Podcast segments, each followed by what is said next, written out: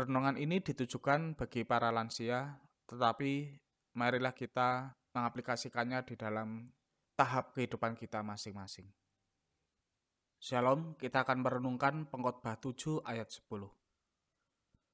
Janganlah mengatakan, mengapa zaman dulu lebih baik daripada zaman sekarang? Karena bukannya berdasarkan hikmat engkau menanyakan hal itu.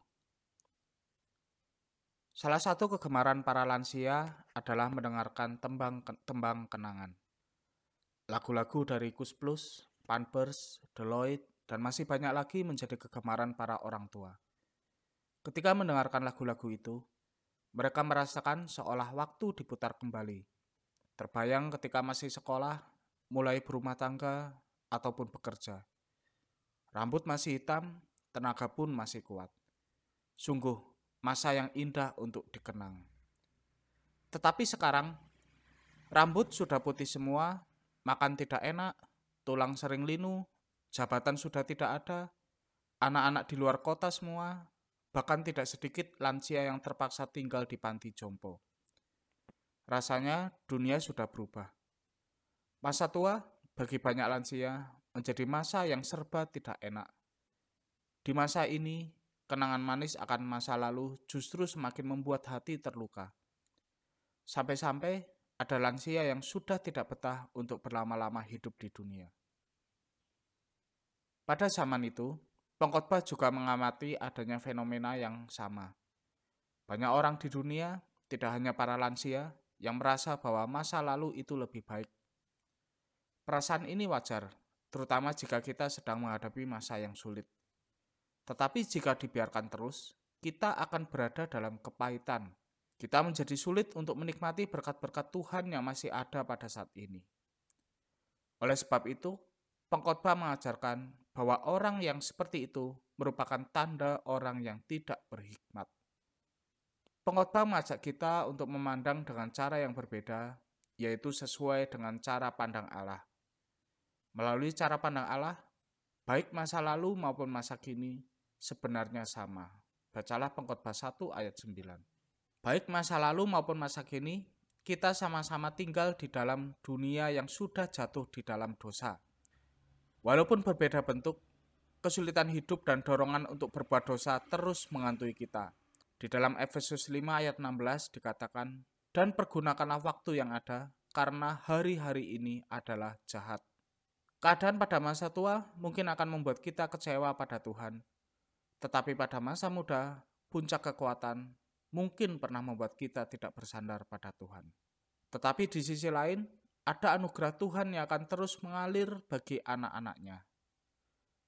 Ratapan 3 ayat 22 sampai 23 mengatakan, Tak berkesudahan kasih setia Tuhan, tak habis-habisnya rahmatnya, selalu baru tiap pagi besar kesetiaanmu. Dan di dalam Matius 28 ayat 20b, Tuhan Yesus berjanji, Aku menyertai kamu senantiasa sampai kepada akhir zaman. Ketika Paulus ada dalam kelemahan dan meminta tolong pada Tuhan untuk membuang kelemahan itu, Tuhan justru berkata, Cukuplah kasih karuniaku bagimu, sebab justru dalam kelemahanlah kuasaku menjadi sempurna. 2 Korintus 12 ayat 9. Jadi Anugerah Tuhanlah yang sesungguhnya menopang kita, bukan kekuatan, pangkat, kekayaan, ataupun keluarga kita. Maka dari itu, berdasarkan hikmat Tuhan, pengkhotbah mengajarkan untuk menerima semua masa dan semua keadaan sebagai pemberian Tuhan.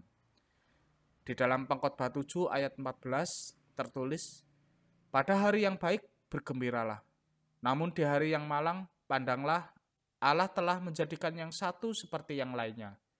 Karena itu, tidak ada seorang pun yang sanggup menemukan apa pun yang akan terjadi selanjutnya.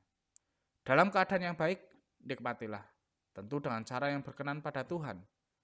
Dalam keadaan yang tidak baik, menurut cara pandang kita, tetaplah bersyukur karena kesulitan hidup akan membentuk kita sebagai orang percaya untuk memiliki iman dan karakter yang lebih berkenan pada Tuhan seperti Paulus. Berdasarkan penggalian saya terhadap kitab pengkhotbah, maka saya berkesimpulan bahwa sesungguhnya masa tua pun merupakan masa jaya bagi anak Tuhan.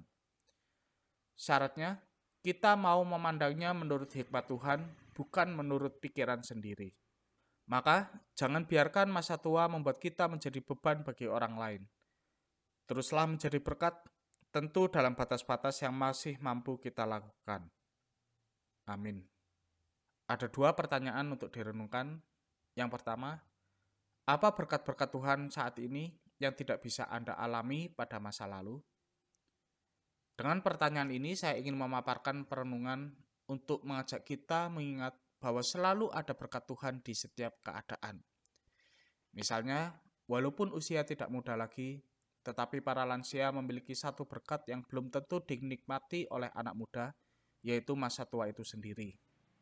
Pertanyaan yang kedua, bagaimana hikmat Tuhan dapat kita gunakan untuk menghadapi keadaan yang diibaratkan nasi sudah menjadi bubur? Tuhan memberkati.